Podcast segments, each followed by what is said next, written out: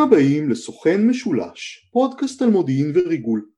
כאן דני אורבך מהחוגים להיסטוריה ולימודי אסיה באוניברסיטה העברית בירושלים.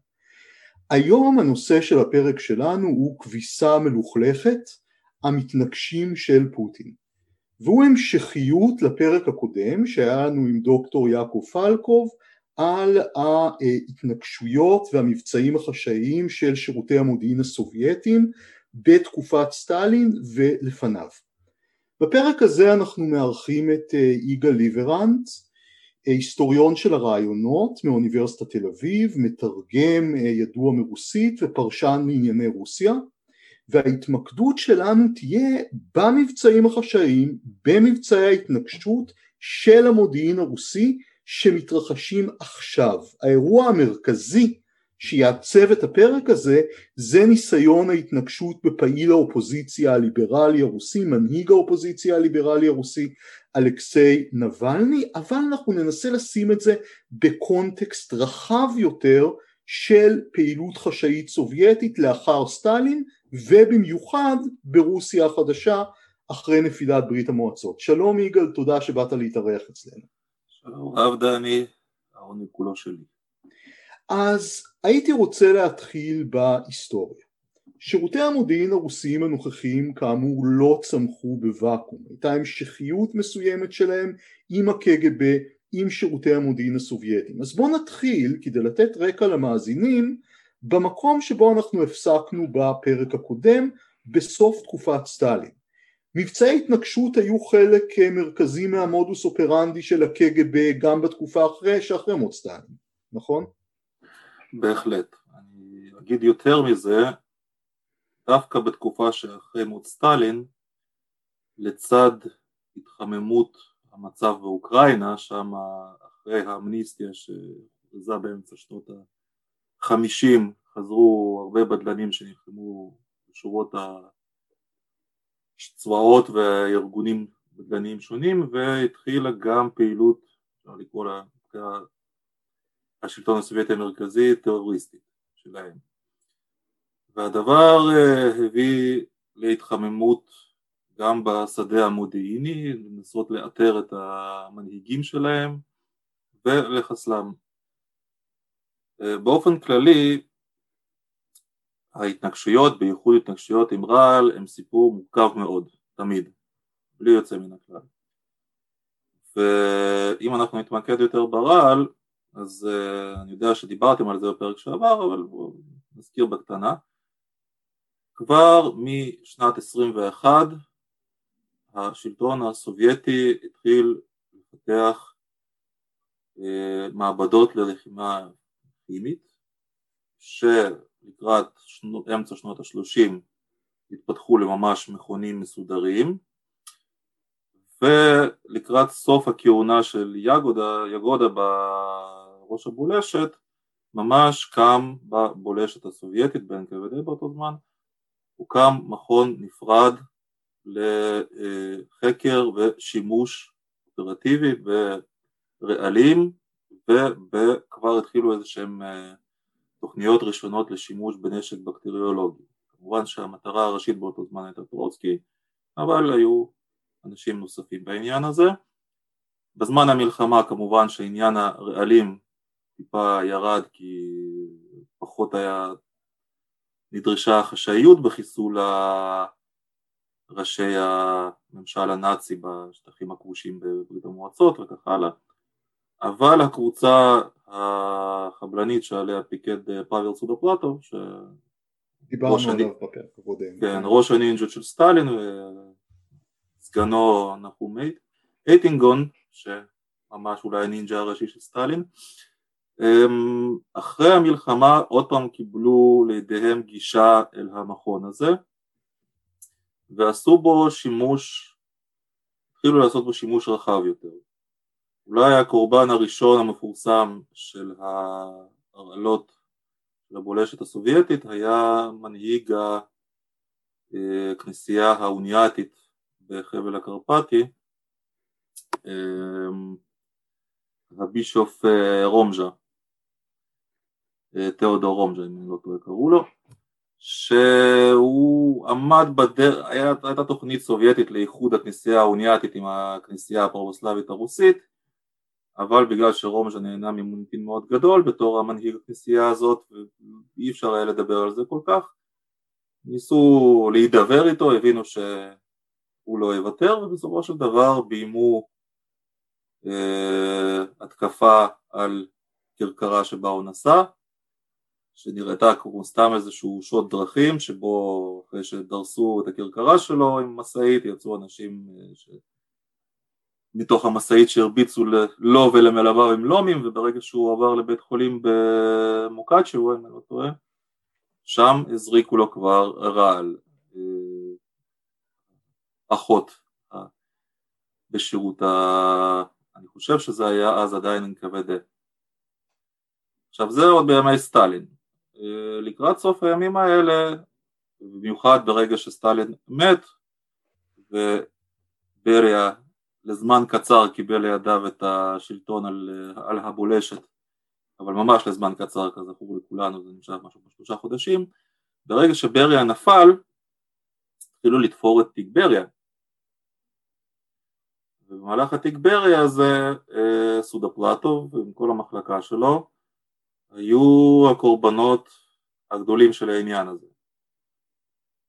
הפעילות החבלנית בעצם של הבולשת הסובייטית כתוצאה מזה שהיה צריך להקריב אותם כדי, יחד עם בריה, נפגעה מאוד.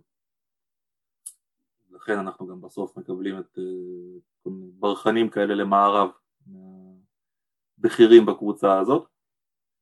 אבל שוב לקראת סוף אמצע שנות החמישים התחילה שוב התחממות באוקראינה ואז חושוב דורש לחסל את ראשי הבדלנים האוקראינים שנמצאים, שניים הבכירים בהם נמצאים במינכן באותו זמן שזה לב רבת וכמובן סטיפן בנדרה שהוא המפורסם ביותר. לחדד, לחדד, המשטר של חושצ'וב גינה את השיטות בתקופת סטלין אבל השתמש בעצמו באותן שיטות בדיוק.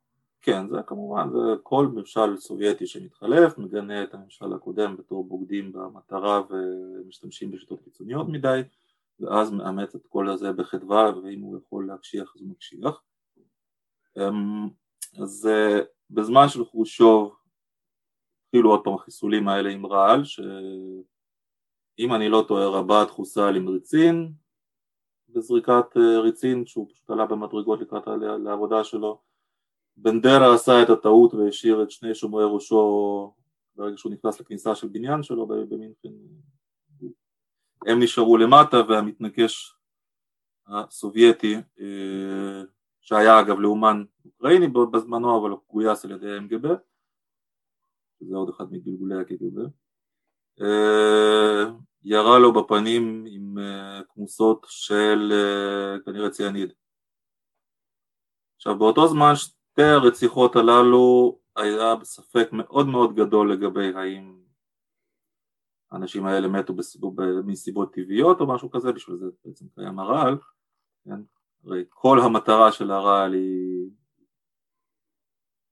עד גבול מסוים, כן, ברגע שפוטין זה סיפור שונה, אבל עד פוטין היה אה, הרעל שימש לכך שההתנגשות תהיה חשאית, כן? דיברנו על זה המון בפודקאסט הזה, זה מאפיין קבוע של פעולה חשאית להשאיר מרחב הכחשה למבצעים. בדיוק. שלא יהיה ברור לחלוטין שהם ביצעו את זה. בדיוק. עכשיו, אמ, אז באותו זמן לא היה ביטחון גדול לגבי מה קרה שם, המשטרה הגרמנית במקרה של בנדרה שחוסל ב-59 אז שם המשטרה הייתה די בטוחה שמדובר בהרעלה מכיוון שבנתיחה השנייה באמת היה שם ריח חזק מאוד של אה, שקדים שזה כידוע מאפיין מאוד מחשיד של ציאניד. לכן בדוח משטרתי בסופו של דבר כתוב שהוא מת מהרעלת ציאניד.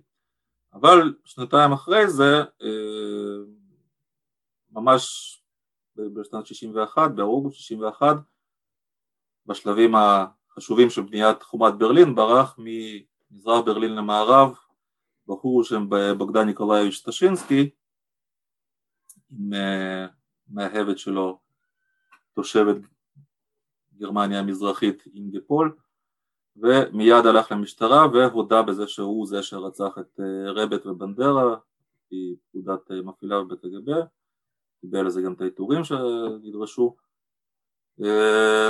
והוא נאסר שם, ישב שם, קיבל שמונה שנים בתור סייען לרצח, כי המזמינים של הרצח, את המשטרה מערב גרמנית היו הסובייטים, ישב ארבע ואחרי זה היה גם סוכן כפול, לא סוכן כפול אלא עבד עם, ה, עם CIA אם אני לא טועה וכך הלאה.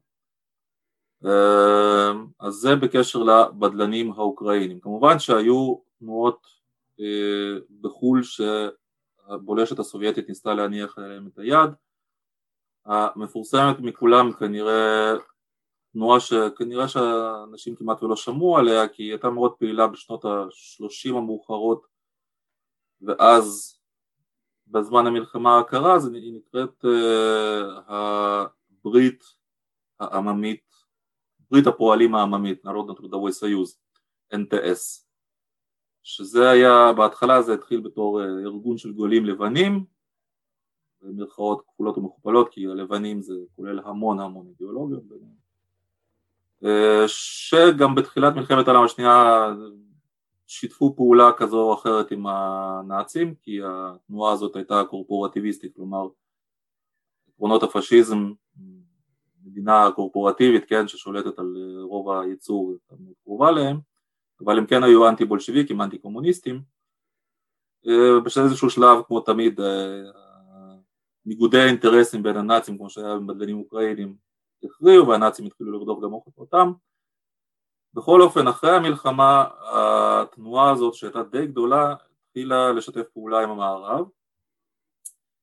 ועל הרקע הזה גם הסובייטים התחילו להתנקש באנשיהם ובמיוחד בראשיהם. אז כאן אולי הכי מפורסם אה, לאו דווקא ההתנגשות באנשים שלהם, אלא הבן אדם שהיה אחראי על ההתנגשויות האלה, ניקולאי יבגני חכרוב, שהוא הפעיל את הקבוצה הזאת שתיסתה להרעיל את האנשים שלהם, אבל בסופו של דבר הוא החליט שהוא יותר מדי מזדהה איתם, לא מתאים לו, וסיפר למפקד הארגון הזה שהוא בא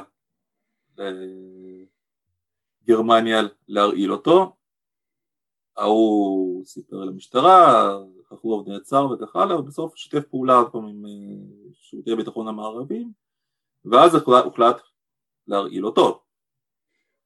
ברור.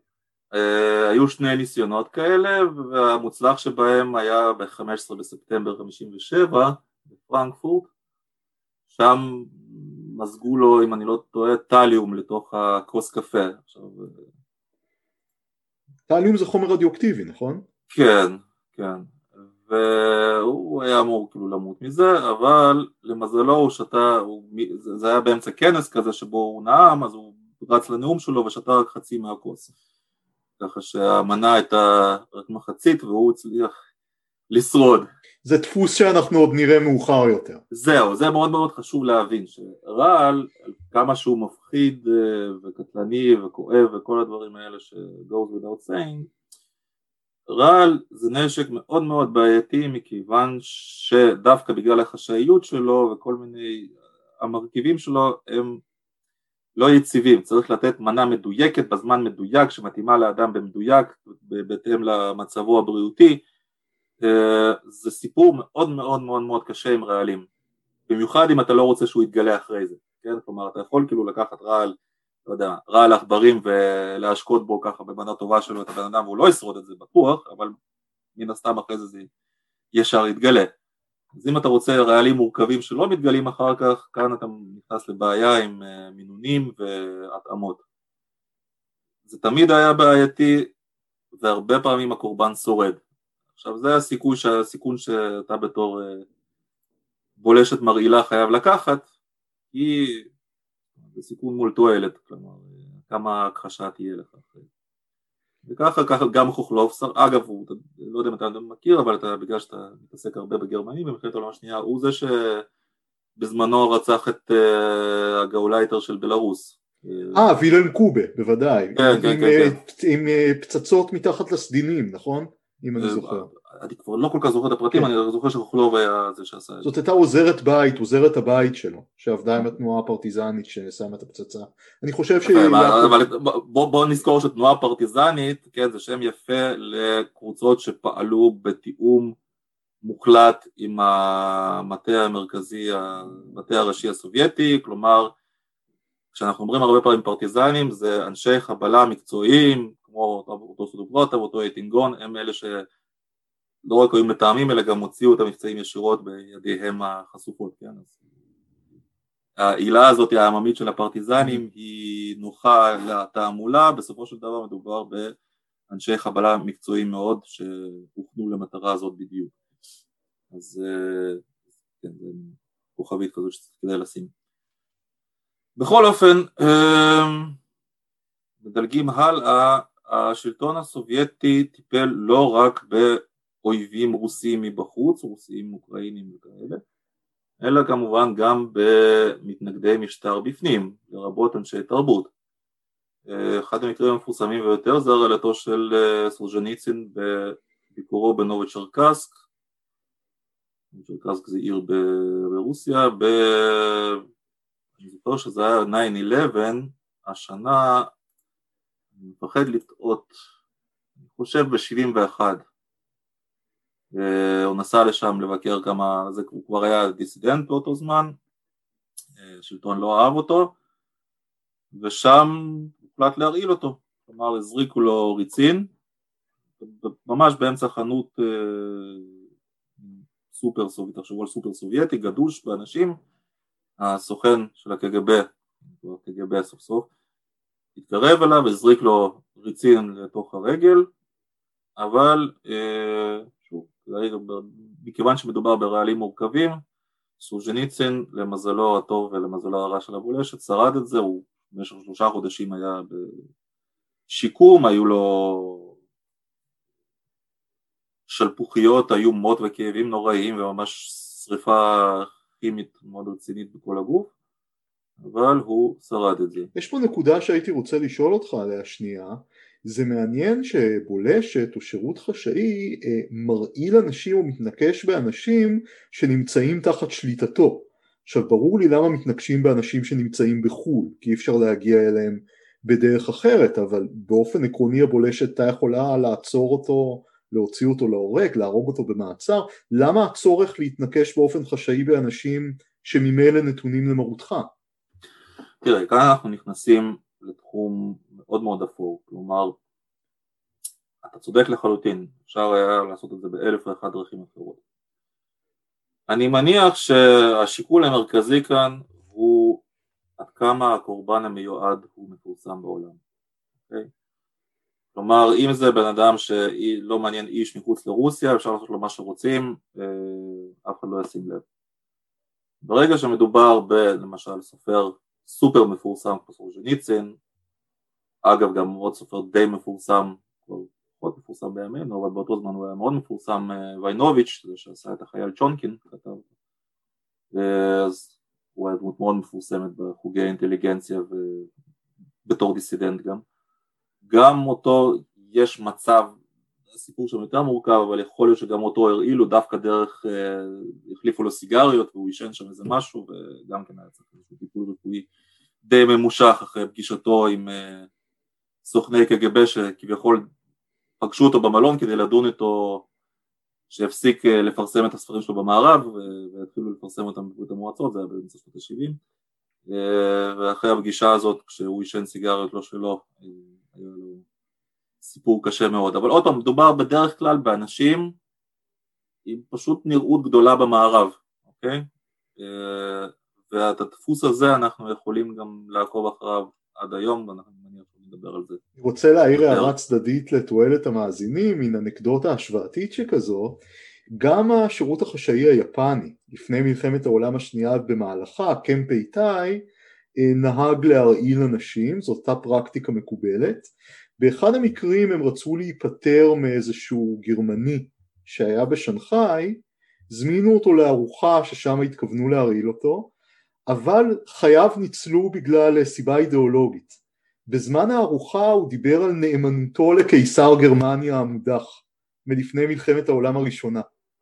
והסוכנים היפנים זה כל כך נגע לליבם שהוא היה נאמן לקיסר כלשהו שהם החליטו לבטל את תוכנית ההתנגשות. סיפור אמיתי. וואו, מדהים.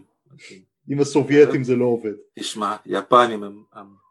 טוב, אני לא צריך לספר לך, אנחנו התחלנו את הדרך שלנו שנינו במזרח אסיה בתל אביב, אתה יודע שהיפנים מאוד יקרים בליבי ובהחלט מת על החוצנים האלה. לחלוטין. אז בואו נמשיך לדבר על הסובייטים. כן. אז uh, אנחנו רואים המשכיות בהרעלות האלה עד שנות ה-80. בשנות ה-80 אני חייב לומר שאין לי מושג למה, כמעט ואנחנו לא שומעים על הרעלות, אני חושב שהאחרונה המפורסמת הייתה ב-78 אם אני לא טועה, מרקוב, נכון? בלונדון עם מטריה. מהמם. אבל זה אפילו לא סובייטים, כלומר זה הסובייטים העבירו לעמיתיהם הבולגריים את הרעל אה, ששימש להתנגשות, אבל אה, מי שעשה את זה זה הקג"ב הבולגרי בלונדון. הרוסים משום מה הפסיקו עם זה, או שסתם, עוד פעם בואו, disclaimer, מכיוון שאני בשום פנים ואופן איני מומחה גדול לשירות החשאי הסובייטי slash רוסי, אז יכול להיות שפשוט אני לא מכיר, אבל לפחות מקרים גדולים אה, מרעישים לא היו בשנות ה-80. מה שמביא אותנו לחילופי גברי, נגמר הקג"ב, נולד ה-FSB, כלומר במקום הוועד לביטחון המדינה. המדינה, שזה הקג"ב, התחיל השירות הפדרלי לביטחון, שזה ה-FSB, כן, אמ, שבעד, אני חייב לומר עד סוף שנות התשעים אנחנו לא רואים יותר מדי פעילות התנגשותית שלו. עכשיו הוא חלק מקהילת מודיעין יותר גדולה, נכון? יש גם SVR, יש גם שירותים אחרים, הוא לא נכון, היחיד. נכון, נכון. יש, רוסיה היא מפורסמת, רוסיה קומוניסטית כלומר, כן, הכוונה היא. מפורסמת בכך שהחל בזמנים שסטלין קיבל לידיו את השלטון, הוא החליט שרק צ'קה, כלומר השיעור, הבולשת הראשונה של לנין הקים, לנין וזרינסקי, זה לא דבר טוב. עדיף שיהיו כמה שירותי ביטחון שיתחרו ביניהם. עכשיו, חלק מזה אנחנו מכירים גם אצלנו, כלומר יש לנו שב"כ, יש לנו מוסד, יש לנו אמ"ן, נכון? אז החלוקה הזאת הייתה קיימת גם אצל סטלין, כלומר היה NKVD שעסק כביכול אה, בשירות בתוך רוסיה, אה, היה את אה, גיירו שעסק בביון צבאי מחוץ לגבולות רוסיה, אבל פה יש נקודה מסוימת, כי NKVD אף פעם לא עסק בתוך רוסיה, הוא היה, היו לו זרועות לשני הכיוונים, okay? אוקיי? גם לרוסיה וגם החוצה. כלומר, זה כמו שהשב"כ שלנו, במקום המוסד יעסוק ב... אה, ומשם התחילה החלוקה העוד יותר גדולה, כן? היו בין כבדי עצמו, התחילו להתפצל שירותים, התחילו להתפצל מחלקות, התחילו לפצל את כבדי עצמו בין אה, אה, MVD, שזה משרד הפנים, כן? לאמגבה שזה המשרד לביטחון לאומי. ואז גם התחילו כל מיני uh, משחקים כאלה בין השרים הממונים, כן? כי בריה לא היה מעוניין לפצל את המרכזים האלה, בעוד שסטלין כן היה מעוניין, ככה שיש לך זמן שבריה אחראי, זה אפילו התחיל יותר מוקדם, התחיל עם יז'וב, יז'וב היה אחראי גם על קג"ב, כלומר גם על שירות הביטחון כאילו החשאי וגם על ה... הבולשת הצבאית, כאילו על השירות המודיעין הצבאי. אחרי זה סטלין לא הרשה יותר, תמיד המודיעין הצבאי היה נפרד, אבל הסיפור הזה שבמה עוסק ה-NKVD סלש MGB סלש KGB הוא שימש, אה, זה היה זירה עצומה לתחרות שם, כן? זה, היה שם מיליון, אני לא אעלה אותך ואת כן, השומעים שלנו בפיצולים הרבים, אבל הדפוס הזה נשאר עד ל... סוף מות סטלין, אחרי שסטלין מת ועד התפרקות ברית המועצות ועוד פעם כביכול נהיה סוג של סדר כי יש את המודיעין הצבאי ויש את הקג"ב שיש לו שירות חוץ ושירות פנים.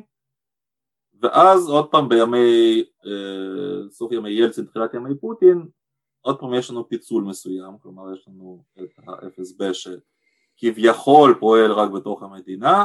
יש את SVR שזה שירות אה, ביטחון חוץ, כן, כלומר מודיעין שמכוון החוצה, ויש כמובן את המודיעין הצבאי, ובתוך זה יש ערב רב של מחלקות שכולן מתחרות ביניהם, ויש להם ראשים שכולם מתחרים ביניהם, אה, ויש שם בלאגן אדיר שמאוד מאוד לא קל לעקוב אחרי החילופי גברי וחילופי האחראויות, ונראה שהפוטין מאוד מאוד מרוצה מזה. כן, בשליטים אוטוריטריים הרבה פעמים אוהבים בלאגן מתחתיהם. נאמר בהשוואה למאזינים, ששירות המודיעין הסורי, קהילת המודיעין הסורית שנבנתה כמובן על הבסיס של קהילת המודיעין הסובייטית, הייתה גם מחולקת להמון המון שירותים שבאופן רשמי כל אחד מהם היה אמור גם לפקח על האחרים. ככה שלא ייווצר איזה מוקד כוח שיוכל לסכן את המשטר של אסד. נכון, גם לפקח, גם יש עוד כל מיני, המון הגבלות, כלומר אתה לא יכול לדמיין לעצמך שבמוסד, כן, היחידה שעוסקת, סתם דוגמה, בחבלה, בדרכיה השונות, בטיפול באויבינו מחוץ לגבולות המדינה, שאיש מן החבל, מהיחידה הזאת, כולל, כולל מפקדיה, לא יוכל להיכנס לחדר הרעלים. Mm. זה מצב שהוא לגמרי לגמרי הגיוני בברית המועצות. כלומר, מחלקת חבלה ברשות סטופלטו ואייטינגון, הנגיעה שלהם לרעלים הייתה אך ורק באישור בריה. מגיע מישהו ממחלקת הרעלים, מוסר את הרעל הספציפי לידי אה, אה, אנשי החבלה ואיתו הם הולכים, אין, אה, הם לא מפקחים על זה, למרות שכביכול זה מכוון אך ורק בשבילם, המחלקה הזאת עובדת אך ורק בשבילם, אבל ברוסיה יש מידור מאוד מאוד רציני בסמכויות ובמידע ויד שמאל לא יודעת מה יד ימין עושה והם אוהבים את זה כך. אם כי רצוי לציין שגם בישראל התנגשות במאן דהוא זה בדרך כלל רק באישור ראש ממשלה. לא, אין ספק שהתנגשות בסדר, אבל זה שבאופן קשה לנו לדמיין שאתה הולך במסדרון במקום העבודה הביטחוני שלך והחדר שממנו אתה מקבל דברים, זאת אומרת לא המחסן שבו הרעלים עצמם נמצאים, אבל אסור לך להיכנס למטבחון שלהם, כן? כאילו זה, מעניין. לא, זה לא מסתדר לנו בראש המידור הזה, ושם זה לגמרי ככה עד עצם היום הזה בעצם. ובגלל שגם הרבה מחלקות עוסקות באותו דבר, כן? היעדים שמוצאים עליהם הם אותם היעדים, אז יש תחרות, ממש תחרות, שלדמיין תחרות אצלנו, כן? בין המחלקות השונות באותו שירות ביטחון. שם יש תחרות, שם יש uh, תוצאות לתחרות הזאת, תוצאות לא נעימות למי שמפסיד בה וככה. uh, כן, השליטים האוטוריטריים אוהבים שהכפופים שלהם יאכלו אחד את השני ויבדרו אחד את השני ויתחרו ביניהם, זה תמיד נראה להם נוח, למרות שכמובן זה יוצר בלאגן אדיר אדיר אדיר בביצוע בסוף. עצרנו, זה מחיר שהם מוכנים לשלם. עצרנו קודם בנקודה בסוף שנות התשעים, שהמבצעים האלה מתחילים להתחדש, סוף תקופת ילצין, נכון? סוף תקופת ילצין, תחילת תקופת פוטין, הייתי אומר אפילו אולי ילצין אפילו, הממשל של ילצין היה כל כך עסוק בבעיות הפנימיות שלו, שכמעט ולא היה לו רצון ופנאי להסתכל החוצה. ופוטין הוא זה שהתחיל לשנות את זה, כלומר פוטין, המלחמת צ'צ'ניה התחילה ברצינות דווקא בימי פוטין. כל מיני בדלנים קווקזים שצריך היה לחסל אותם שנמצאים בכל מיני דובאים ואבו דאבים וערב הסעודית ותימן וכל מיני כאלה זה המבצעים שהתחילו בימי פוטין. עכשיו להגיד ששירות הביטחון הפדרלי עובד באותה יעילות כמו הקג"ב, אני לא יכול להגיד. השירות הביטחון הפדרלי פועל כמו כל דבר ברוסיה הפוטיניסטית גרוע. באמת, זה מעניין. כן. כי אולי למאזינים יש תדמית אחרת בראש. אני חושב שהתדמית הזאת היא פשוט העילה של הקג"ב המסתורי והחזק שגם שם אתה יודע כשמתחילים להסתכל כל מקרה לגופו אנחנו רואים שגם מבצעי הרעלה המפורסמים שלהם מפורסמים בגלל שהם נכשלו, כן? אגב כמו שלנו, כן? אנחנו כן, מכירים על ההרעלות שלנו ברגע שהן כושלות אבל uh, אין ספק שבימי ברית המועצות היה שם הרבה הרבה יותר סדר. וזה ברור למה, זאת אומרת, אתה יודע, מפקדי הקג"ב כמה הזדמנויות להתעשרות אישית היה להם. כמעט וכלום, זאת אומרת. אנדרופוב גר בראש הקג"ב שאני אהיה בסוף המנהיג של ברית המועצות באיזה שנה, אנדרופוב הוא כאילו אחד המפורסמים שבהם, הוא חי בתנאים של בגין כאן, בגין נחשב אצלנו שיא הצניעות וזה היה שיא הפאר שדרופוב יכול היה להרשות לעצמו וכמובן אתה יכול להאמין שכפופיו לא הרשו לעצמם פאר שכזה. אמ, אבל תחת פוטין זה קלפטוקרטיה. כל אחד. תחת פוטין זאת קלפטוקרטיה, אני לא עייף לחזור על המושג הזה, כי זה לגמרי מה שמשקף כרגע את האידיאולוגיה ואת המהות של החיים הפוליטיים מדיניים. שלטון גנבים למי שלא מכיר את ה... לגמרי, זה שלטון גנבים, לכן מי שהיו פעם ראשי קג"ב, גם אלה שהמנוסים בהם, בשנות התשעים הלכו להתעשר, בדרכים לא דרכים, יכול לדמיין כל דבר מכל מיני עסקאות נשק כאלה ואחרות ועד חוזי חיסול וגביית דמי חסות מכל מיני עסקים קטנים כגדולים פוטין קיבל לידיו את המכונה הזאת כשהיא כבר מושחתת לחלוטין. טוענים, לפחות התעמולה הרוסית כרגע אומרת שהוא עשה שם סדר. אני לא נוטה להאמין לתעמולה הזאת ולקחת אותה כפשוטה. יכול להיות שסדר מסוים נעשה שם אבל אין שום ספק שראשי ה-FSB הבכירים בה, כולם, ללא יוצא מן הכלל, מרוויחים כסף לא רק על פי המשכורת שלהם. יש לי פה שאלה, כי אנחנו מדברים גם על הנכונות של שירותי המודיעין האלה לרצוח את בני עמם שלהם, ואם אתה חושב שאי אפשר לענות על זה אז תאמר שאי אפשר לענות על זה, זה בסדר גמור. יש תיאוריה או דעה שהבנייני הדירות שנפלו במוסקבה הפיגועים שייחסו לצ'צ'נים במלחמת צ'צ'ניה השנייה היו למעשה עבודה של פרובוקטורים של ה-FSB. אה, לדעתך יש בסיס לתיאוריה הזאת? תשמע, אני הרבה שנים, רוב שנותיי שבהם התעניינתי ברוסיה פחות, האמנתי שמדובר בתיאוריית קונספירציה מוחלטת. ככל שאני מתעניין ברוסיה יותר בחמש שנים האחרונות, אני פחות ופחות נוטה להאמין שמדובר בקונספירציה. אני לא, שוב, אתה מבין שככל שזה נוגע למבצעים כאלה, קשה מאוד להגיע לעובדות חד משמעיות, כן, להוכחות חד משמעיות ולראיות חד משמעיות. אבל אני מוכרח לומר שככל שאני מתעניין בשאלה הזאת יותר, הראיות מחשידות יותר ויותר. זאת אומרת, אני לא, אני ממש לא יכול לשלול את זה על הסף. ממש לא. מעניין. זה פשוט שאלה של... פעם האמנתי לגמרי בשטויות קונספירטיביות, היום, תשמע, האנשים האלה מסוגלים להכל, באמת בהכל. אז בואו נדבר על התנגשויות לפני שנגיע לנבלני, שזה הנושא העיקרי שלנו, התנגשויות בדיסידנטים אה, קודמים אה, מחוץ לרוסיה. אוקיי, אז תשמע, לדיסידנטים האלה שהיו מטרה להתנגשויות, היה להם בדרך כלל מכנה משותף מאוד פשוט, מדובר, דובר באנשי שירותי ביטחון שערקו למערב, מה זה ערקו?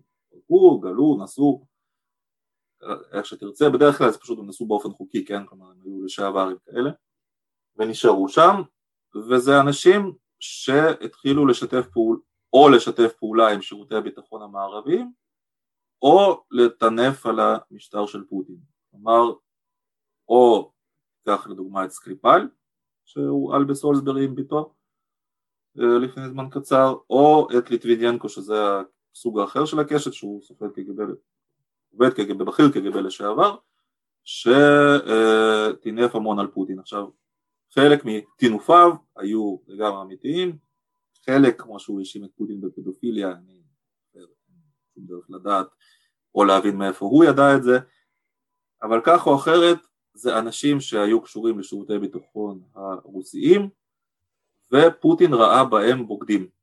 בין אם הם כאילו באמת שיתפו פעולה עם שירותי ביטחון אחרים בין אם הם אה, דיברו סרה עליו ועל השירותי הביטחון שנמצאים תחתיו אה, זה היה המצב בקשר לדיסידנטים עד עכשיו בטח כשמדובר בהרעלות, כן? כי היו כל מיני, אמרתי, בדלנים צ'צ'נים כאלה ואחרים שלא לא, לא הסכימו להיכנע לקדירוב אה, וככה. קדירוב מנהיג צ'צ'ניה תחת פוטין. כן. צריך לזכור גם שקדירוב ואבא שלו, כן, הם היו בדלנים צ'צ'נים לכל דבר ועניין, רצחו המון המון חיילים אה, רוסים, פשוט הם הסכימו לשוחד הזה של פוטין לעבור לצד שלו, כן? אמ, זה כאילו, תחשבו שהחמאס פתאום מסכים, אה, או איזשהו פלג בחמאס מתפצל, לוקח לידיו את השלטון ברצועת עזה ומפגין נאמנות אה, אה, מן הפה לחוץ לביבי, כן? קרה לא פעם בתולדות המחתרות וה, והלחימה בהן בהיסטוריה העולמית, זה לא בלתי חסר לא תקדים. לא, לא, לא, לא, זו שאלה של מחיר שאתה מוכן לשלם, כן, אם אנחנו באמת באמת מוכנים לממן את הפלג הסורר הזה של החמאס, כאילו לא להתערב לו בשום דבר שקורה שם, ולתת לו באמת אוטונומיה מוחלטת ולשחרר אותו כל הזמן, אני חושב שהמסלול הזה הוא פתוח. אולי לא הדרך הכי רעה כאילו לטפל בזה, כן, אני יודע. יכול להיות, לא, כן. אני לא פוליטיקאי גדול, אני לא, לא, לא ניכנס לזה. אבל uh, בכל אופן, כשמדברים על ההרעלות של ה-FSB את הדיסידנטים, uh, אני עושה מרכאות באוויר, בדרך כלל זה אנשי ביטחון רוסי לשעבר. עכשיו, יש, uh, אבל זה בחוץ. העניין היותר מעניין הוא מה קורה בפנים, בתוך רוסיה. שם הדיסידנטים שמורעלים זה באמת אנשי פוליטיקה שהשלטון מעוניין ברעתם. לדוגמה אה, ולדימיר קרמורזה, שאני לא יודע כמה אנשים שמקשיבים לנו מכירים אותו, אבל הוא היה אופוזיציונר די בולט, הוא היסטוריון במקצועו וכלכלן, איש חכם ואינטליגנטי, כיום הוא משמש כיד ימינו של חודורקובסקי שהוא יושב בשוויץ, קארה מורזה קיבל שתי אזהרות חמורות בדמות שתי הרעלות שלא הצליחו, אה, פעם שנייה באמת היה סערה מן המוות, טיפלו בו הרבה זמן כדי שיתאושש והוא בסוף קלט את הרמז והיגר מרוסיה.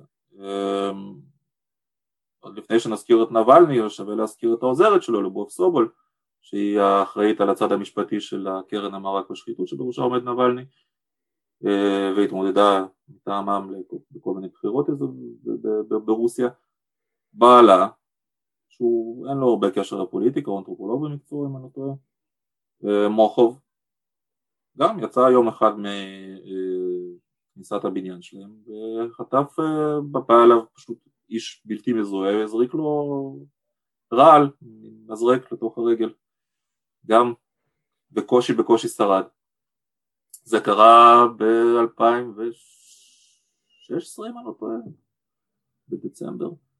אמ, אני עוד פעם רוצה לעכב את תשומת הלב של המאזינים על העניין הזה למרות שהזכרנו אותו קודם, הדפוס הזה הוא מאוד מאוד מעניין. יש לך מערכת משפט והענשה רשמית שגם היא אוטוריטרית לא עצמאית כפופה לשליט ובמקביל יש לך גם מערכת הענשה לא רשמית שגם היא בשליטת המדינה, סוג של מערכת האנשה דואלית לאנשים שהמשטר רוצה אה, להיפטר מהם או להיפרע מהם. בהחלט, תשמע, יש היגיון בשיגעון, כן? כלומר אה, אה, דמויות פוליטיות שבצורה, שמתחצפים לפוטין יותר מדי והם פעילים בצורה פעילה, מה זה פעילה? כלומר מארגנים אה, מחאות אלימות, כן, אה, נכנסים לכל מיני עימותים מחוץ לגבולות רוסיה, כלומר הדוגמה הכי טובה לזה היא לימונוב, כן, מנהיג המפלגה הנציונל בולשיביקית, אנרכיסט כזה שלא מוכן לכלום, אז הוא בסופו של דבר אה, נתנו לו כמה אזהרות, ובסופו של דבר תפסו אותו על איזה משהו שהוא ניסה להעביר נשק לקזחסטן או ווטאבר לבדלנים הרוסים שם ושמו אותו בכלא להרבה זמן, מה זה הרבה זמן? כמה שנים טובות, נתנו לו ככה, שב שם תנוח, אה, תאריך את עצמך מחדש כלומר כשהם עושים ממש משהו פעיל אה, רציני, כן, שמעורב בזה קצת נשק, קצת אה, אלימות רצינית, אין שום בעיה לשים אותם בכלא, כלומר מערכת המשפט היא לגמרי, היא לא תזכה אף אחד, כן, אנחנו מדברים על זה שאחוז ההרשעות אצלנו בישראל הוא גדול, ברוסיה משהו ב-99.9 מקרים שמגיעים לבית משפט נגברים בהרשעה, נקודה. כל, בכל, בכל מערכת המשפט, לא רק פוליטית, כן? אמ, כלומר, ברגע שהתביעה כבר מגישה את התיק למשפט, נגמר הסיפור בגדול. Uh, עכשיו, ברגע שהם לגמרי לגמרי פועלים בשדה הפוליטי לחלוטין, כן? אתה לא יכול לתפוס אותם על שום דבר חוץ מפוליטיקה נטו, כן? אז מתחיל, מתחיל הסיפור, מה עושים איתם? אפשר להאשים אותם בשחיתות, לנסות להרשיע אותם ככה, אפשר להאשים אותם, ב... לשים להם, אני יודע מה, בחורות למיטה ולצלם את זה במצלמה נסתרת, או אה, להכפיש אותם בצורה כזאת או אחרת, זה הכל תלוי כמה, כמה השלטון שונא אותך, כן? עכשיו מהקטנות, כאילו באמת להכפיש אותך, עד הגדולות לשים אותך בכלא, ובמקרים מיוחדים, מיוחדים ממש, אפשר גם לגמור אותך. וזה מוביל אותנו באמת לשאלה הבאה, מי זה אלכסיי נבלני? ספר עליו קצת. אוקיי, אז נבלני הוא בחור רוסי עם שורשים אוקראינים, נולד בשנת 76 באחת העיירות הקטנות יותר מסביב למוסקבה, משפחה של, אם אני לא טועה, אבא שלו הוא קצין, קצין בכיר בצבא. אמ, בימים שאחרי הקומוניזם ההורים שלו פתחו איזשהו מפעל אה, רהיטים כלואים, כן, כמו שאנחנו מכירים סלי נצרים, אז יש נכון רהיטים כלואים כאלה, קורסאות ושטויות, אז זה מפעל כזה שיש להם, אז הוא משפחה בורגנית חמודה, מעמד ביניים גבוה יחסית לרוסיה, אני יודע. הוא עצמו אה, למד משפטים ואחרי זה כלכלה. הוא נכנס לפוליטיקה בגיל די צעיר, הוא נכנס לפוליטיקה אם אני לא טועה ממש בתחילת שנות האלפיים שזה הופך אותו מה 24 כזה, כן? כן, משהו כזה. הוא נכנס בהתחלה למפלגה הדמוקרטית ליברלית של רוסיה שנקראת יבלוקו שגם עברה כל מיני גלגולים. יבלוקו תפוח. כן, תפוח, אה, אבל זה, זה מין ראשי תיבות כאלה, לא משנה. אמ, אבל היא הייתה כאילו הסמן הליברלי של הפוליטיקה הרוסית המפלגה הזאת ובה הוא התקדם יחסית במהירות, הוא בחור סופר מוכשר, אה, נגיד את זה בהמשך, עד שב-2004 הוא כבר היה ראש המטה האזורי של מוסקבה, שזה בערך התפקיד הכי בכיר מבחינת הדרגי ביניים, אבל בתוך המפלגה הזאת הוא באמת הצטיין, כלומר כל הראשי אופוזיציה הצעירים שהתחילו שם איתו הם מהר מאוד כולם הבינו שנבלני הוא שמוביל את הסיפור הזה. למרות שהיו שם אנשים לא, לא, אתה יודע, לא קודלי קנים, היה שם יאשין ומריה גיידר שהיא ביתו של יגור גיידר שהיה ראש הממשלה הליברלי הראשון של ילצין. אמ, אבל בסופו של דבר נהיה ברור להנהגה שנבלני הולך רחוק ואז הם התחילו להסתכל איך אנחנו נפטרים ממנו. שם, בראש המפלגה הזאת עומד הרבה הרבה הרבה הרבה שנים, כבר עשרות שנים, גלגולי יבלינסקי, שהוא אולי ליברל בהצהרותיו, אבל יש לו שלטון מאוד מאוד סמכותני במפלגה הזאת, הוא לא סובל תחרות, אה, וכשנבלני התחיל לאיים עליו, אז הסתכלו ואמרו, רגע, הוא גם לאומן, ונבלני אכן היה לאומן. הוא לא לאומן במובן הגזעני של המילה הזאת, או לפחות לא ממש גזעני, אומרת אין לו איזושהי אנטישמיות אה, חזקה או אנטי אפרו-אמריקאיות או אפרו-אפריקאיות אבל היו לו דעות די נחרצות לגבי מהגרי העבודה שמגיעים, מציפים את אה, רוסיה, במיוחד את מוסקבה שמגיעים ממדינות מזרח אסיה, כל מיני סטנים למיניהם והייתה לו דעה מאוד נחרצת לגבי הצ'צ'נים אה, שמצד אחד אפשר לנסות ולהבין אותה ולהצדיק אותה, כן? כי, אתה יודע, לא צריכים ללכת רחוק, כן? יש לנו דרום תל אביב ויש לנו הרבה פעילים שפועלים נגד שם, אומרים שזה מביא הרבה פשע, הרבה זה, ולכן, כלומר, מהגרי העבודה המסכנים שחיים בתנאי דלות נוראיים, הם אה, כר פורה להרבה פשע, כן? אז מהבחינה הזאת הוא מאוד מאוד רצה להגביל את ההגירה הזאת ולסגור אותה ולהעיף את מי, שיש, מי שקיים שם חזרה לארצו. בין היתר במובן הזה הוא שיתף פעולה גם עם כל מיני ראשי תנועות הרבה יותר קיצוניות, כן? אה, רוסיה של שנות התשעים ועד שנות 2010 בערך הייתה, היו שם המון תנועות שחלקן היו נאציות לחלוטין, חלקן פשוט פשיסטיות חלקן רוסיות לאומניות קשות מאוד ועם היותר מתונים מהם נבלני שיתף פעולה בכיף, למשל היה את הסיפור הזה, לא סיפור, זה היה תופעה של אה, צעדה רוסית, שזה ממש צעדת המונים כזאת של הרבה תנועות שהולכת כל שנה במוסקבה ובעוד ערים מרכזיות ועם סיסמאות לאומניות וכך הלאה וכך הלאה. נבלני השתתף בצעדה הזאת ב-2006 בתור משקיף במפלגת יבלוקו, אבל ב-2008 הוא הלך שם בתור אה, איש מן השורה לגמרי, זאת אומרת היא הזדהה לפחות עם הרגש הכללי של אה, בואו נפסיק את ההגירה הבלתי חוקית וכך הלאה.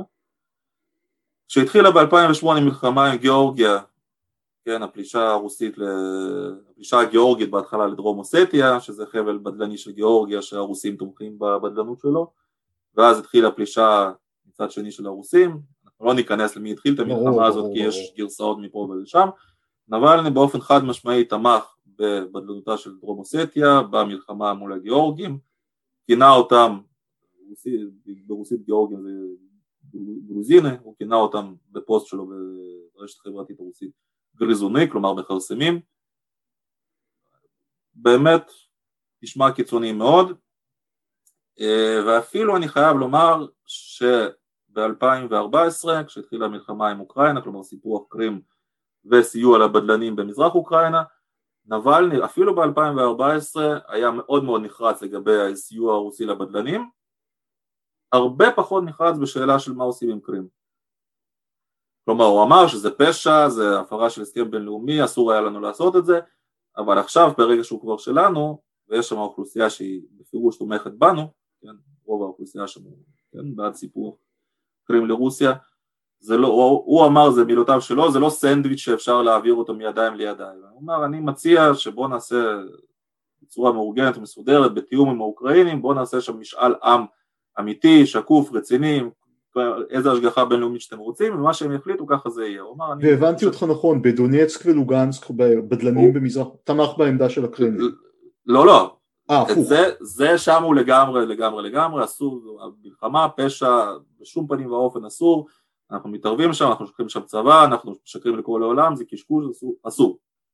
שם הוא לגמרי היה נחרץ בהתנגדותו שלו, אבל בקשר לקרים, פחות, כלומר כל הליברלים הרוסים, כן, הם לגמרי נגד הסיפוח הזה ובעד ההחזרה מיידית של קרים לאוקראינה וזו העמדה הרשמית של ממשלת אוקראינה ועמדה של רוב האוכלוסייה באוקראינה זה לאו דווקא העמדה של האוכלוסייה בקרים, זה לאו דווקא העמדה של נבלני, הוא אומר בוא נעשה שם באמת אה, משאל עם רציני, שקוף לחלוטין, מה שהם יחליטו זה מה שיהיה. הוא, חושב, אני, הוא אומר, אני חושב שזה גם טוב לאוקראינה, שהם לא צריכים לסחוב את החבל הבדלני הזה שלא רוצה להיות אצלם, כן? אבל זו עמדה לא, לא פשוטה. שהוא מביע. בכל אופן חזרה לענייננו, אמ, אז בגלל השקפותיו הלאומניות נבלני נזרק מיבלוקו כשלמעשה אנחנו די בטוחים ויודעים שבסופו של דבר זה פשוט תירוץ שאפשר ליבלינסקי לא, להגיד, לא לתת לנבלני לתפוס את ההנהגה כי באמת היה ביניהם קונפליקט כבר באותו זמן שנבלני דרש את התפטרותו ובחירות במפלגה הפריימריז שם וזה העיפו את נבלני עבור לאומנות ואז הוא יצא לדרך משלו. בהתחלה עדיין קצת ניסה לשתף פעולה עם לאומנים, במידה כזו או אחרת אחרי זה עזב את זה לחלוטין, זה סוף שנות העשרה של האלפיים, וב-2011 הוא מייסד את הקרן אה, למאבק בשחיתות, FBK. 2011. כן. אה, אבל שוב, הקשר שלו עם הבדלנים, עם הלאומנים די גבה בסוף שנות ה... העשר כזה, 11, ומאז אמ, אפשר לראות שהעמדות שלו השתנו מאוד, כלומר יכול להיות שבסתר ליבו הוא עדיין רוצה לעצור את ההגירה, הגירת עבודה, ייתכן, אבל זה לא דברים שאתה תשמע ממנו עכשיו, אוקיי? כלומר הוא החליט שהוא מתקרב לליברלים הרוסים והם החליטו שהם מתקרבים אליו.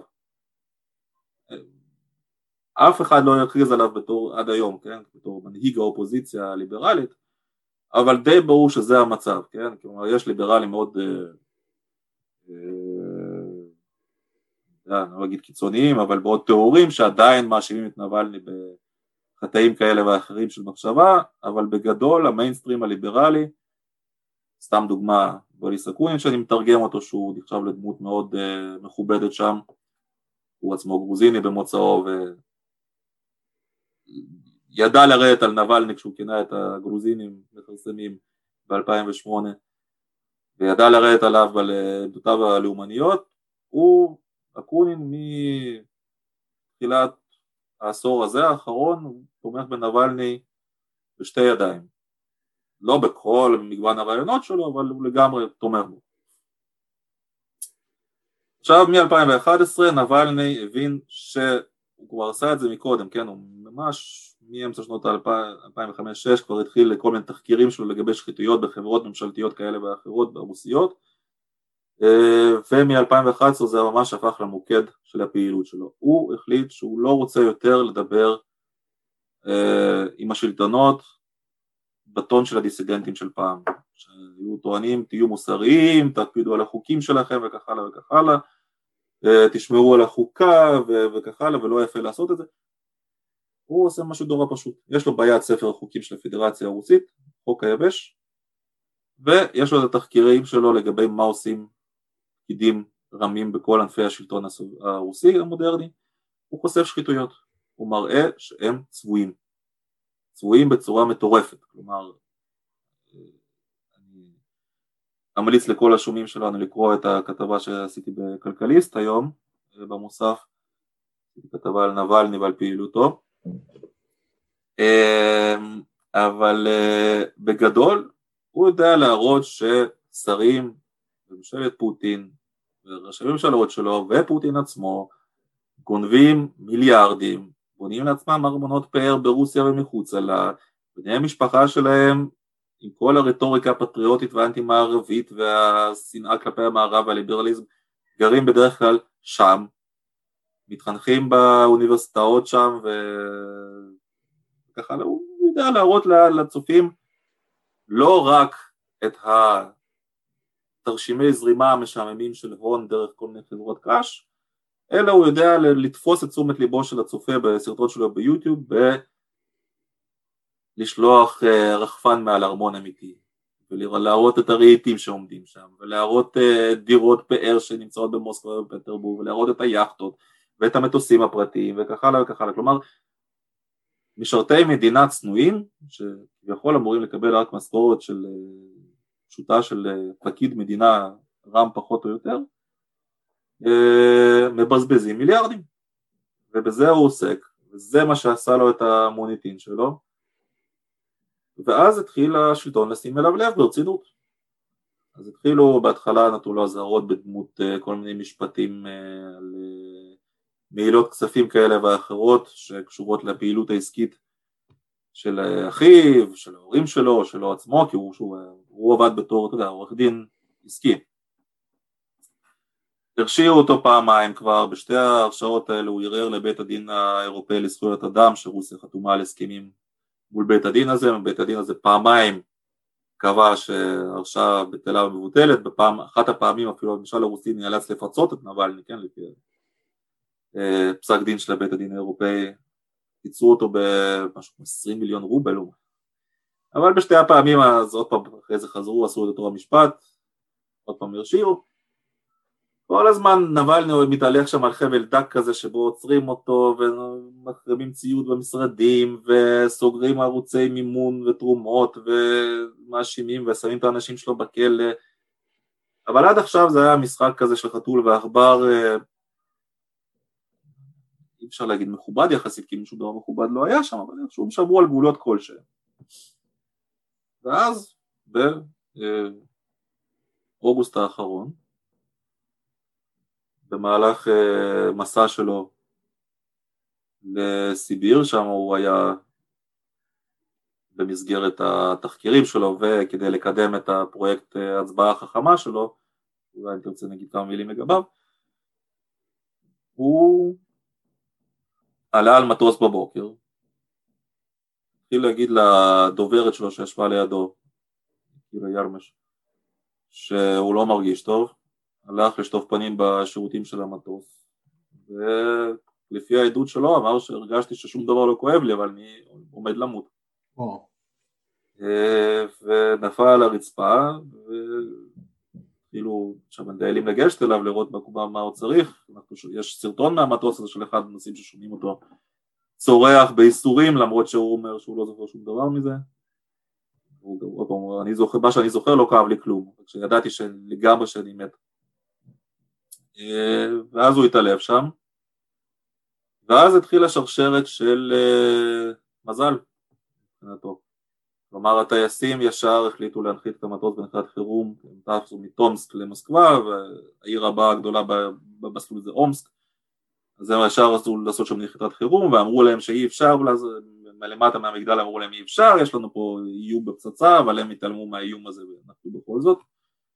ולפי הפרוטוקול גם בנחיתת חירום חייב להגיע אמבולנס למסלול, וברגע שפינו אותו לתוך האמבולנס אז רופאים אה, שישבו שם בפרמדיקים, אותם שם באמבולנס, עוד פעם, פעלו לפי הנהלים, ראו שיש לו סימני הרעלה או איזושהי פגיעה כימית, דפקו לו אטרופין, אה, ואז פינו אותו לבית החולים באומסק, ששם אנחנו לא יודעים מה קרה לו, כי יש כל מיני ידיעות סותרות כאלה, כי עוד לא נתנו לאשתו או לאנשים שלו לגשת אליו במשך שבוע או משהו כזה, אה, סודיות מוחלטת על הטיפול שלו, אמ, אבל יכול להיות שטיפלו בו שם, יכול להיות שלהפך ניסו להרעיל אותו עוד פעם, ואתה איזה אידיאל זה שגם שם יעשו ניסיון שני, כך או אחרת אחרי שבוע וטחינות ובקשות של אשתו יוליה שהגיעה לשם ישר ואנשים שלו וכל הלחץ המערבי נתנו לפנות אותו לבית חולים בגרמניה, בית חולים בברלין, שריטה, שהוא מתמחה בפגיעות האלה דווקא בהרעלות ובפגיעות בנשק כימי,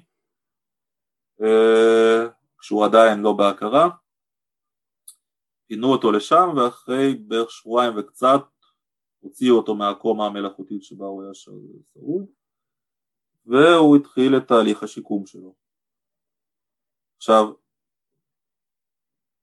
כולם היו בטוחים מההתחלה שמדובר בהרעלה, כלומר כל הסימנים, מה שתיארו אנשים שהיו איתו והסודיות המוחלטת שהפילו על זה השלטונות, כולם חשדו שמדובר בהרעלה, לא הבינו כיצד, ואז אה, בגלל שאנשים שלו נשארו מאחור במלון שלו בתומסק, כן, הוא יצא בשש בבוקר ואנשים שלו עלו לטיסה הבאה, שאתה אמור להיות בתשע או משהו כזה, אז אה, הם הספיקו לדבר עם uh, הדוברת שישבה לידו במטוס, כאילו אייל, שאמרה שיש מצב שהוא רעל. אז הם רצו מתוך חדר האוכל במלון, הם רצו למעלה לחדר שבו הוא שהה, ולקחו משם כל מה שהם uh, יכלו לקחת כדי שזה אולי ישמש כראיה, בין היתר היה בקבוק מים שהוא כנראה נגע בו, והוא עם שאר החפצים מועבר לגרמניה, ששם הבדיקה הראתה שיש עליו נביצ'וק. עכשיו זה לא אומר שכמובן... מה זה נוביצ'וק? בואו בוא נסביר למאזינים. נוביצ'וק זה אפילו לא, זה קבוצת רעלים, אני לא מבין גדול בזה אז אני עוד פעם לא, לא אתיימר להבין בזה, אבל זו קבוצת רעלים מאוד אה, מורכבת ומתוחכמת שכביכול אמורה להיות מושלמת במה שהיא עושה, כלומר להרעיל גם בצורה שהקורבן יחוש שהוא מת, אומרת שהוא ידע שהוא הולך למות עכשיו, וגם בצורה שלא תשאיר עקבות לחלוטין. או לפחות כמה שאפשר בתנאי כי גם הנוגדני רעלים וגילוי רעלים גם מתקדם מאוד אבל הוא אמור להיות כמעט מושלם בעניין הזה.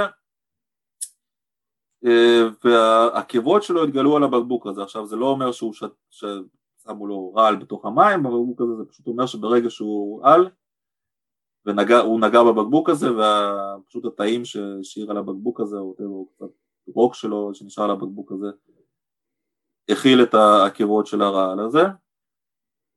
ו...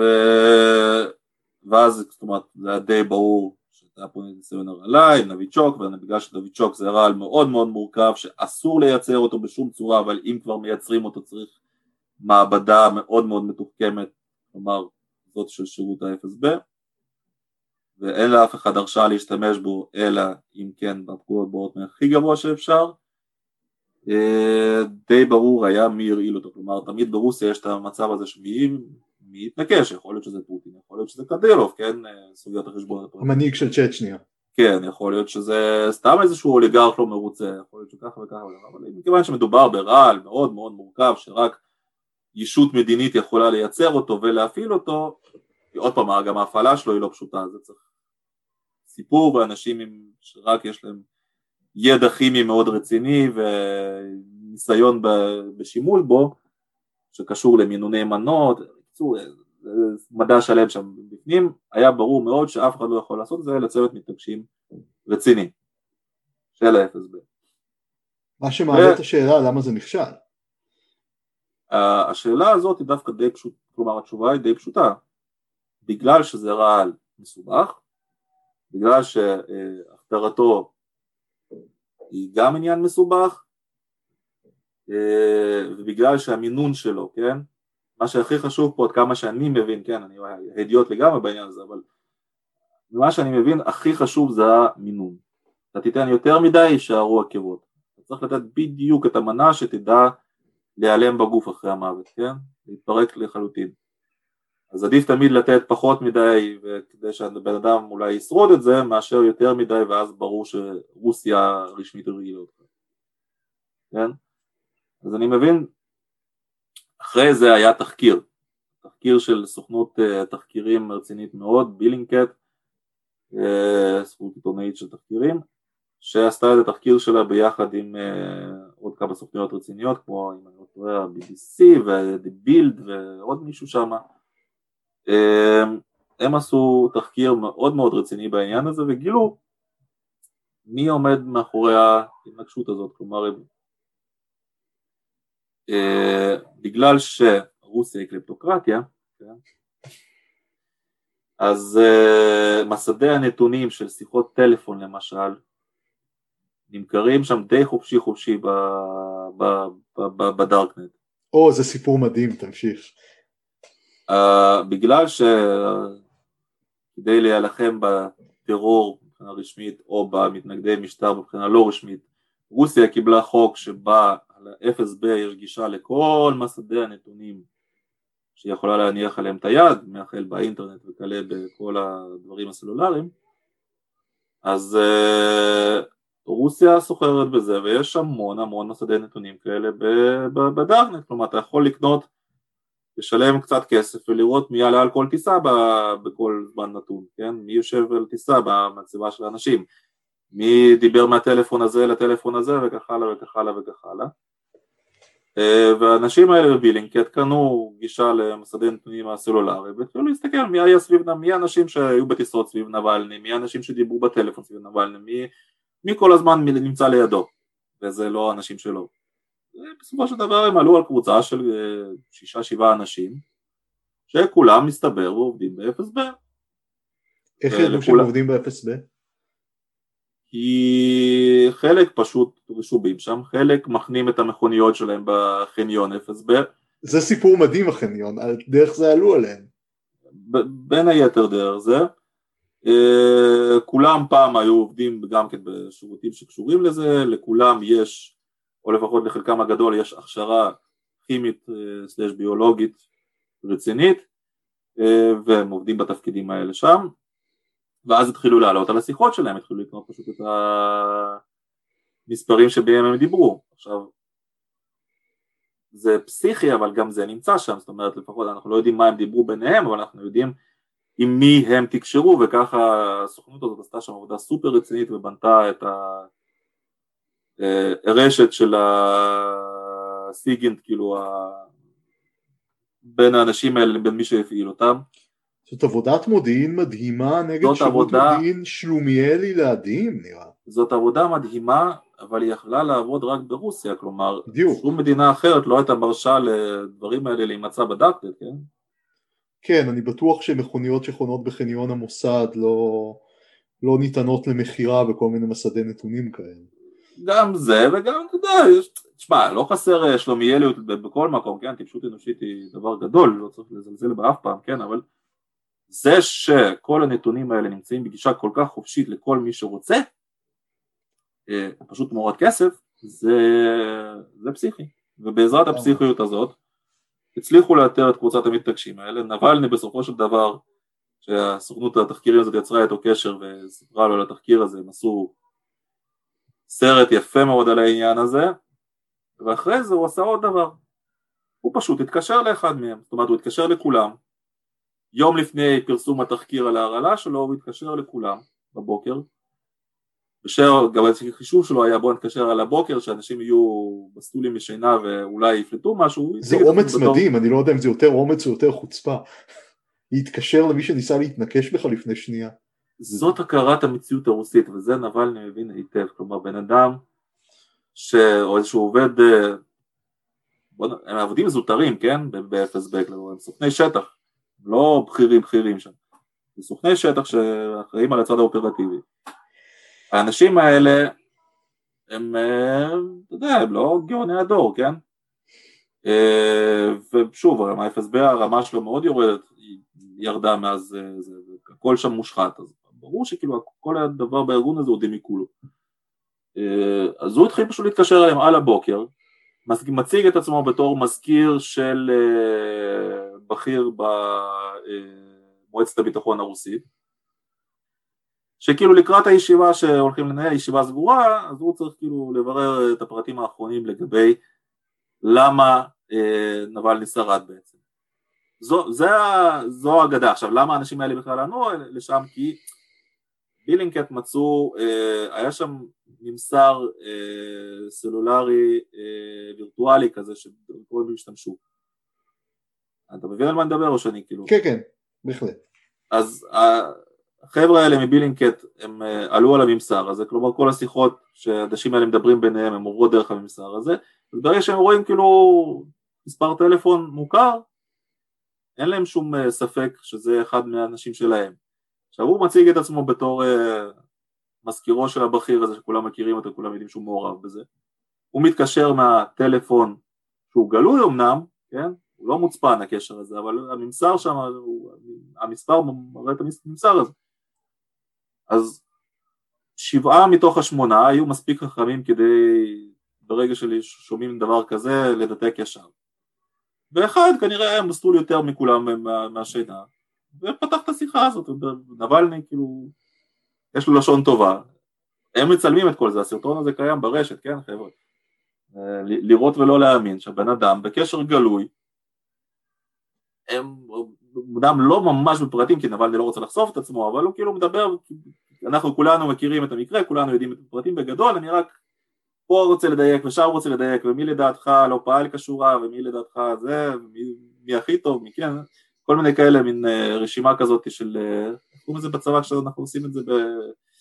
תחקירים. אה, לא תחקיר אלא מין, זה אפילו לא תחקיר אלא, אני שכח, וואי, כן, זה היה מזמן, שאתה צריך לדבר על החברי הצוות שלך, להעריך אותם כזה. אה אוקיי, כמו סוציומטרי. סוציומטרי בול, זהו, אז הוא עושה כן. תחקיר סוציומטרי כזה בגדול. רק כדי להעריך כאילו מי פעל כשורה ואיפה אפשר צריך לתקן, מה נקודות לשיפור, לשינוי, כזה דבר, מדהים. ו, אה, ותוך כדי זה הוא פולט לו באמת ומודה שכן, פעלנו שם, זה מדהים, ואז הם עשו תחקירי המשך, התברר שאנשים האלה עוקבים אחריו כבר שלוש שנים, כנראה שזו לא הפעם הראשונה שהם מנסים את זה עליו, כנראה שבאחת הפעמים גם אשתו אה, נגעה במשטח מזוהם כזה והרגישה לא טוב במשך אה, יממה אה, וכנראה שעכשיו קיבלו עוד פעם, עוד פעם קיבלו פקודה להוציא אל הפועל ולעשות את זה. אה, והרעילו אותו באורמסק ותוך כדי השיחה הזאת הוא גם הבין איך עשו את זה איך עשו את זה באמת? הוא אמר כי הם העלימו את הבגדים שלו, כן, כשהוא נכנס לטיפול העלימו את הבגדים שלו. גם ממה שהיה לו בתיק וגם מה שהיה עליו. אז הוא שאל מי, ומאז הבגדים האלה לא התגלו למרות שהוא מגרמניה כבר דרש שייתנו את זה ולראות את זה בחקירה ויבדקו את הבגדים. הבגדים נעלמו אז הוא שאל כאילו ברגע שהשמעתם את הבגדים מה עשיתם כאילו מה עשיתם אנחנו עשינו פעולות טיהור בבגדים הוא אומר לו ומה טיהרתם במיוחד אז הוא אמר לו נו כמובן שתחתונים הכחולות האלה טיהרנו במיוחד כלומר היה ברור שהרעל היה על התחתונים של נבלני, שיחה מדהימה, ממליץ לכולם, חבר'ה הכל נמצא ביוטיוב ועכשיו יש לכל זה גם כתוביות אנגליות, זה, זה לראות ולא להאמין. אמ, כן. ונבלני חוזר לרוסיה ונעצר על ידי השלטונות. נבלני ברגע שהוא התעורר הוא ישר הכריז שאין שאלה בכלל שהוא יישאר במערב למרות שהיה ברור שנקשו בו למרות שהיה ברור שעכשיו השלטון הזה הסיר את הכפפות לחלוטין הוא אמר שהוא חוזר ישר ברגע שהוא התעורר ברגע שהוא יכול היה לדבר. אמ, די מובן למה הוא עושה את זה זאת אומרת אתה לא יכול להיות מנהיג אופוזיציה פעילה מבחוץ בטח ובטח לא ברוסיה נאמר למאזינים שיש לך פוסט פייסבוק מאוד מאוד מעניין שפירטת על העניין הזה והראית שברקע היסטורי כל מנהיגי האופוזיציה הבאמת משפיעים ברוסיה היו אנשים שפעלו בתוך רוסיה בתנאים מצוינים וגולים הם הופכים במהירות לדמויות שוליים. תראה, אני אתן לך דוגמה פשוטה.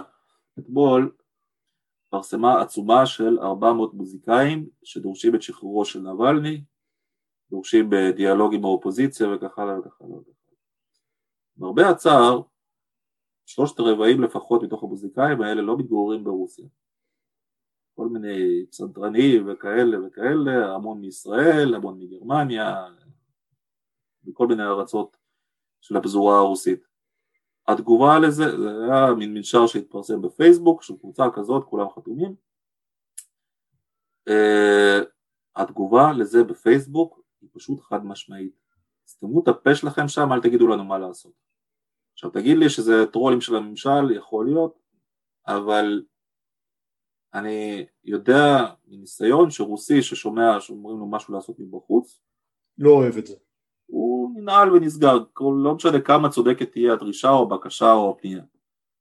ונבלני מבין את זה היטב, הוא לא יכול להיות מנהיג אופוזיציה או מנהיג כלשהו בכל דרג מבחוץ. חודורקובסקי יושב בשוויץ, אף אחד לא זוכר את חודורקובסקי ברוסיה.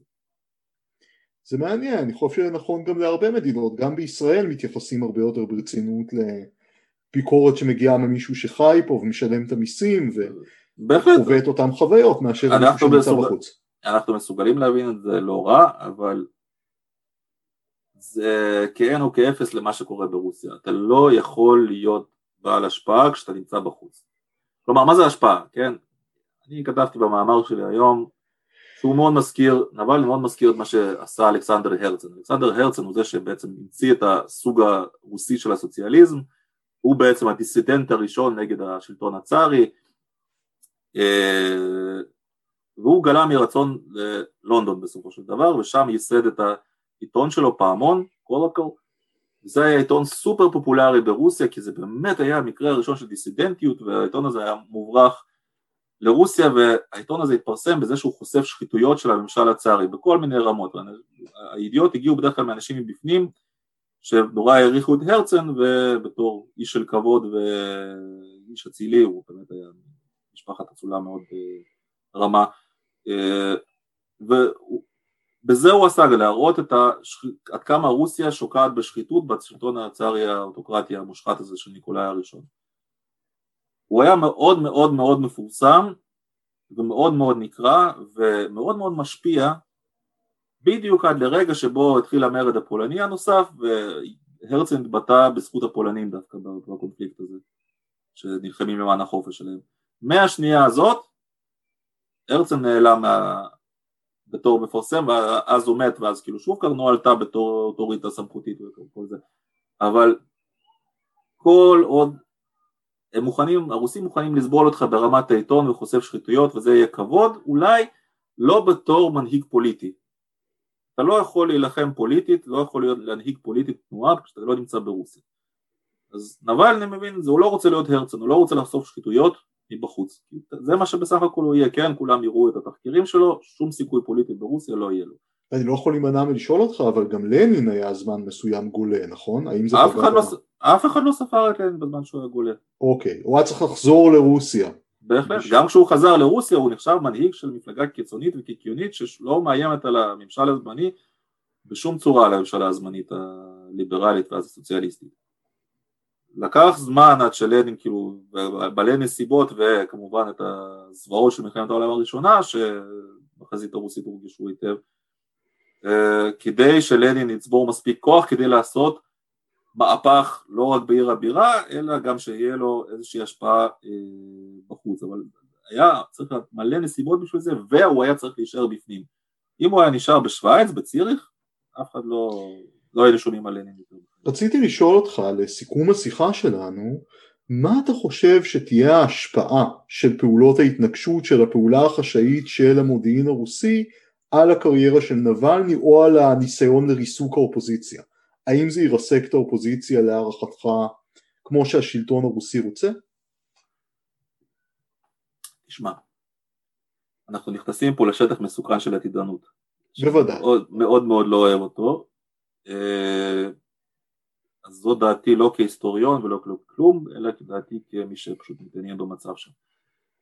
אני חושב שהרעלה והמעצר של נבלני והמאסר שהוא קיבל עכשיו, עד השנתיים ושמונה שהיה עוד אה, רחבה בעניין הזה, יכול להיות שייתנו לו מאסרים נוספים תוך כדי, אני חושב שזה חיזק את האופוזיציה ופגע בשלטון. אני חושב שזה מהלך פוליטי אווילי אה, שמקצין את העמדות של האופוזיציה, שמגייס יותר אנשים לשורות שלה, שנותן לנבלני הילה לא רק של גיבור, אלא של מי שבאמת מקריב את עצמו למען העם, במרכאות.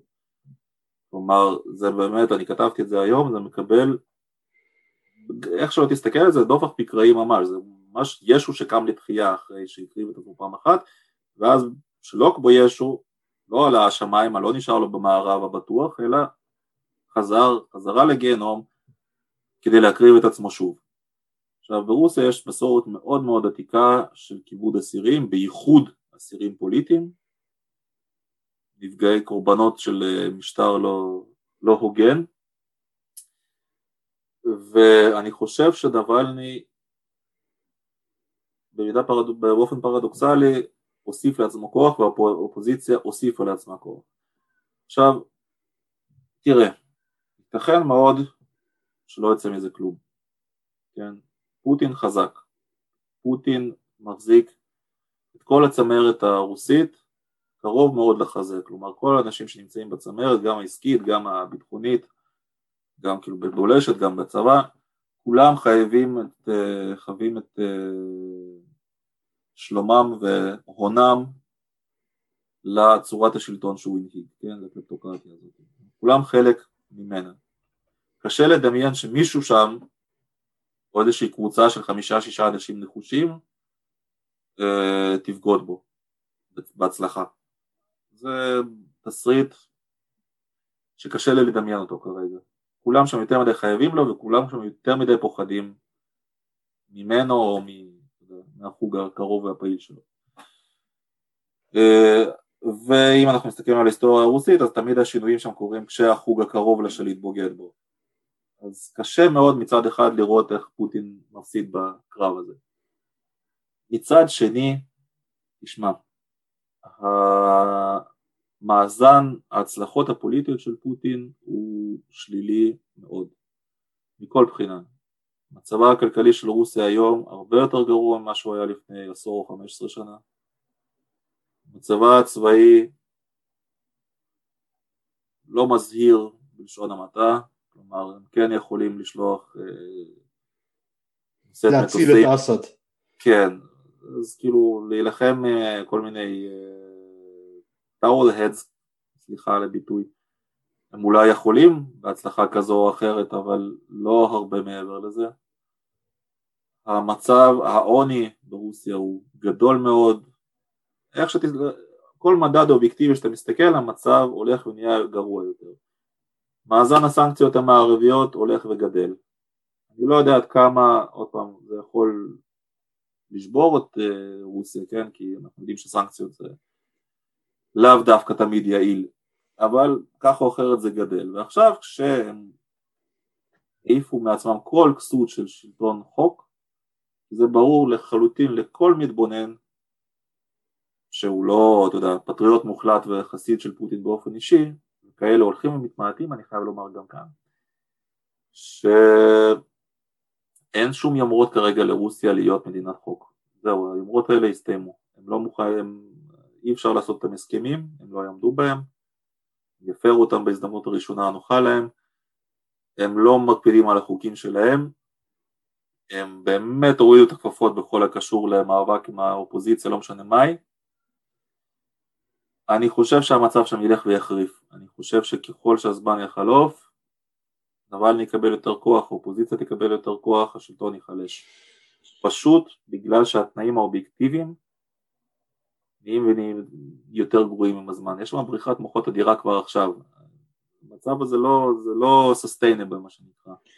אז בנימה האופטימית פסימית הזאת אנחנו נסיים את השיחה. המון תודה יגאל שאתה התארחת אצלנו היום. תודה רבה דני, היה לי כיף מאוד. האזנתם לסוכן משולש, פודקאסט על מודיעין וריגול. כאן דני אורבך מהאוניברסיטה העברית עם יגאל ליברנט. נתראה בפרק הבא.